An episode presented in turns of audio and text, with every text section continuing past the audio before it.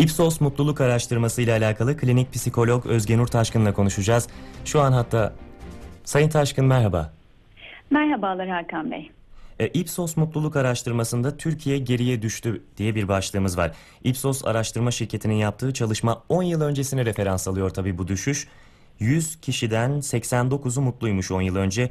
Bu rakam şimdi 100 kişiden 42'sine düşmüş. Bunun nedenlerini kısaca açıklayabilir misiniz? Elbette özellikle şundan bahsetmek istiyorum. Mutluluk e, bilincinden, mutluluk farkındalığından bahsetmek istiyorum öncesinde.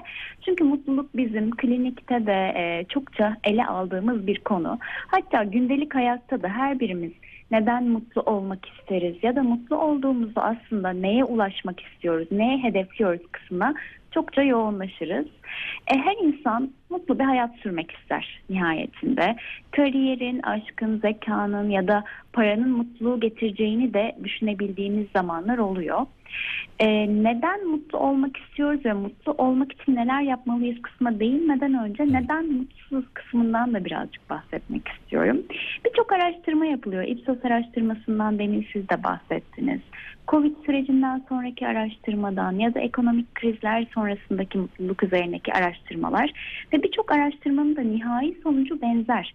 Aslında e, son 10 yıl, son 20 yılı ele aldığımızda araştırmalar gitgide insanların mutluluk düzeyinin azaldığını gösteriyor. Evet.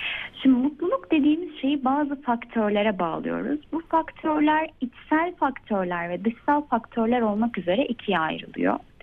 Öncelikle içsel faktörlerden bahsetmek istiyorum. Dışsal faktörlerden bahsetmek istiyorum. Dışsal faktörlere baktığımızda aslında en basitinden bir salgın, e, bir pandemi süreci atlattık. Pandemi sürecinin dışında bu 10 yıllık bir çalışma olduğuna göre ekonomik krizler, kişilerin işsizliği, onun dışında e, kişilerin dışarıyla iletişim kurma konusundaki zorlukları gibi birçok dış faktör yani geçim sıkıntısı, yerleşim sıkıntısı, yeme içme sıkıntısı gibi faktörler mutluluğumuzu etkiliyor. Bunlar tabii dışsal faktörler. Evet. Bir de içsel faktörler kısmımız var. İçsel faktörler kısmımıza baktığımızda kişinin psikolojisi bütün bu dışsal faktörlerden etkileniyor. Yani bu ne demek oluyor? Yeme içme sıkıntısı, barınma sıkıntısı, yaşam sıkıntısı yaşayan kişi içsel, dolu, içsel yolla da etkilenmiş oluyor. Yani psikolojik anlamda da etkilenmiş oluyor. Şimdi psikolojik anlamda etkilenen kişi de dışarıya e, enerjisini veremiyor. Belki çalışma motivasyonunu bulamıyor ve çalışma motivasyonunu da bulamadıkça aslında dışsal faktörde etkilendiği için bir kısır döngü içine giriyor. O zaman mutluluk bilincine şunu söyleyebiliriz belki Hakan Bey. İçsel ve dışsal faktörlerin birlikte etkilendiği bir kısır döngü haline girmek kişiyi mutsuzlaştırıyor aslında. Ve bunun içinde yapacağımız bazı şeyler olabiliyor. Evet. Bunlardan örnekler verebilirim. Ee, şimdi bu mutluluk bilinci araştırılırken 6 tane faktörden bahsedilmiş. Ee, üniversitelerde yapılan mutluluk bilinci araştırmasında dışsal olarak hayatımızı, mutluluğu ve yaşam memnuniyetini, duyumunu etkileyen 6 faktör belirlenmiş. Bu altı faktörlere şöyle bir bakacak olursak ben başlıklarını da söyleyeceğim. Fakat genellikle içsel faktörleri içeriyor. Mesela faktörlerden bir tanesi pozitif özgüven. Kişinin kendisiyle ilgili olumlu düşüncelerinin olması, e, hayatından ne kadar memnun olduğumuzu et, etkileyen en önemli faktörlerden bir tanesi olarak görülüyor ki Evet. bu son dönemde pozitif psikoloji çokça duyduğumuz bir alan. Pozitif psikoloji, pozitif özgüven, kişinin kendine dönüşü, kendine şefkat gösterişi, öz şefkat birinci faktör olarak belirlenmiş. Mutluluk bilincini sağlayabilmek adına. İkinci faktör olarak da hep bildiğimiz çok klişe olan dışa dönüklük. Yani kişinin sosyalleşmesi belirlenmiş. E, kişinin sosyallen, sosyalleşmesi belirlenmiş derken de burada kişi sosyalleştikçe, dışa dönük oldukça olumlu duyguları besliyor. Ve besledikçe de bu olumlu duyguları arttırmaya başlıyor. Sosyal olmaları pozitif destekleyici ilişkilere girmesini de sağlıyor. Haliyle dışa dönüklük de ikinci faktörümüz oluyor. Evet. Üçüncü faktörümüze baktığımızda, üçüncü faktörümüz iyimserlik. Ama bu iyimserlikten bahsettiğimizde hep polyanacılık gibi anlaşılabiliyor. E, buna değinmek istiyorum. Özellikle iyimserlikten kastım bir polyanacılık değil. pembe gözlükler değil. Gelecekler ilgili daha iyimser ve gerçekçi olan planlar kurabilmek. Gelecekle ilgili iyimser bakış açısına sahip olduğumuzda onu olumlu yöne yönlendirmemiz daha kolay oluyor. Ama burada özellikle üzerinde durmak istediğim bir konu daha var Hakan Bey. İyimserlik konusunda bir polyanacılık değil, iki, Evet. üç adımda, beş adımda her şey iyi olacak düşüncesi değil. Bazen buna kapılabiliyoruz, bazen bu noktada yanılabiliyoruz. İşte siz de karşılaşmışsınızdır mutlaka. Üç adımda mutluluk, beş adımda e, Evet. neşe. Ne yazık ki böyle bir şey yok ama iyimser bakış açısı özellikle pozitif psikolojinin kurucuları tarafından da çok onaylanmış ve kişiye çok pozitif yönde katkı sağlayacak bir bakış açısı. Bir diğer maddeye geçeyim. Olumlu sosyal ilişkiler. Aslında bu dışa dönüklükle eşdeğer diyebiliriz. Ama dışa dönüklüğün yanında bir de sosyal ilişkilerimizi olumlu hale getirebiliyorsak çok çok önemli.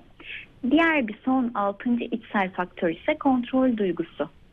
Kontrol duygusu da kontrolü elden kaybettiğimiz zaman e, kişinin iyi hissetmesi, mutlu, huzurlu olması mümkün olmuyor. Geleceğe umutla bakmamız ve inanmamız için de kontrol duygusu bizi cesaretlendiriyor. Kendine olan, kendimize olan güvenimizi arttırıyor.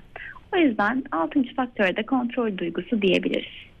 Bunlar genel hatlarıyla altı faktör aslında. Kişi mutluluk bilincinin farkına varırsa, mutlu olması gerektiği noktaları anlayabilirse ve özümseyebilirse. Aslında burada şundan bahsetmek istiyorum. Evet ekonomik kriz, bir yandan savaş, bir yandan pandemi bunlar kişiyi çok fazla etkiliyor. Her Evet. birimizi etkiliyor. Evet. O gün eğer evimize e, yemek götürebilecek miyiz, çocuğumuzu okutabilecek miyiz kaygısı yaşıyorsak psikolojimizin toparlanması elbette ki çok zor oluyor. E, bu maddeleri saymak, söylemek elbette ki çok kolay. Evet. Ama şunu kendimize belirlemeliyiz. Evet bu maddeler bilimin bize söylediği maddeler, psikoloji biliminin bize söylediği maddeler. Peki gündelik hayatımıza bunu nasıl katabiliriz? Pozitif özgüveni ya da sosyalleşmeyi ya da kontrol duygusunu. Gündelik hayatımızda da bunu katmamız çok da zor değil aslında. Ee, hep bunu söylerim, konuşurum danışanlarımla da. Ee, gündüz uyandığımızda, yola çıktığımızda işe bir otomatik pilotta gidiyoruz. O otobüse bineceksek otobüs durağına kadar ner- neredeyse tabiri caizse otomatik pilotta gidiyoruz. Ne sağımıza solumuza bakıyoruz, ne yolumuza bakıyoruz. Dümdüz ilerliyoruz. Çünkü zihnimizde yetişmemiz gereken bir işimiz var. Ya da o gün işimiz yoksa gideceğimiz bir yer varsa orası var. Haliyle kişinin otomatik pilottan çıkması mutluluk bilincinin oluşmasına da faktör olacaktır. Evet, bazen mutluluğun içindeyken de fark edemiyoruz. Sayın Taşkın bunu sormak istiyorum. Dışsal faktörler elbette şu an pandemiden ve pandemi sonrası ekonomik daralmadan dolayı çok fazla etkiliyor. Fakat hep söylüyoruz değişen dünya, hızlı dünya, tüketim toplumu diye. Acaba mutlu olduğumuz zamanlarda da mutluluğu da çabuk tüketiyor olabilir miyiz son zamanlarda?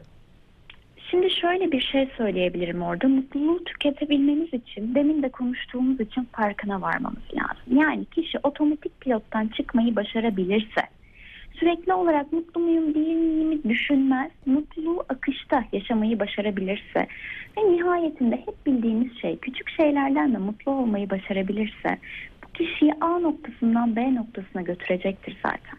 Tüketme noktasına gelecek olursam şimdi mutluluk andır. Akışta olan yaşanan bir andır. Anlardan ibarettir. Mutluluğu süre gelen bir süreç olarak değerlendirirsek kaybederiz. Ve dediğiniz gibi tüketiriz. E, demin mutluydum şimdi hala devam etmiyor. Hep mutlu olacağım düşüncesi aslında başta bilişsel çarpıtma oluyor. Yani kişinin o anda yanlış düşüncesi, yanlış inanışı oluyor.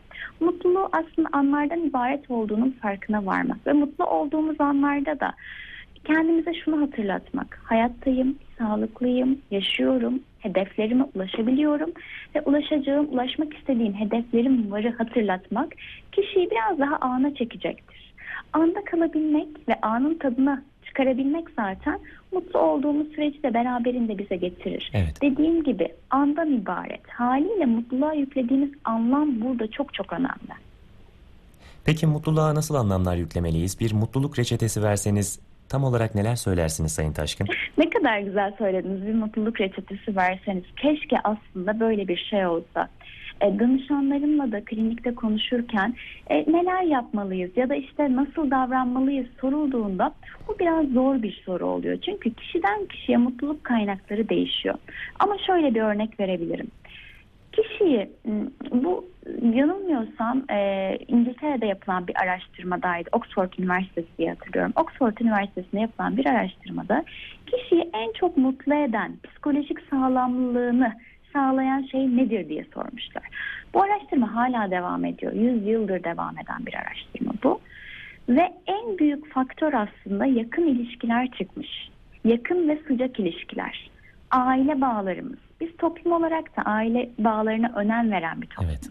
Evet. Aile bağlarımız, yakın ilişkiler, sıcak ilişkiler, insanlarla iletişimde kalırken o sıcaklığı korumak, o samimiyeti korumak aslında mutluluk reçetesinin ilk maddesi olabilir diyebiliriz.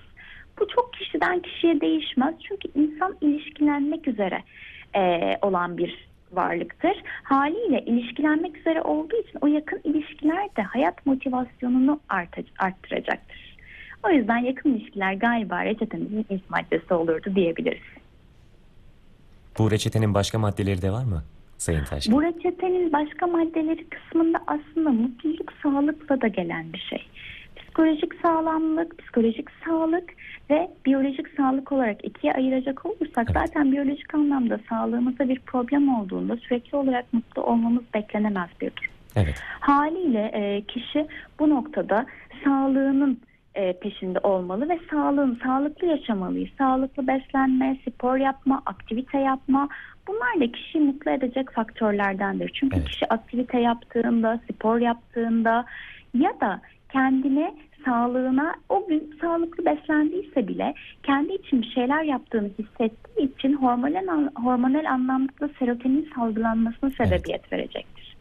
Aslında biz mutluluğu istediğimiz noktada, hissetmeyi istediğimiz ve anladığımız noktada vücudumuz, beynimiz, zihnimiz buna çok uygun. Birazcık bakış açımızı değiştirmek önemli. Bu değerli bilgiler için çok teşekkürler Sayın Taşkın. Ben de teşekkür ederim Hakan Bey. İyi yayınlar. Teşekkürler.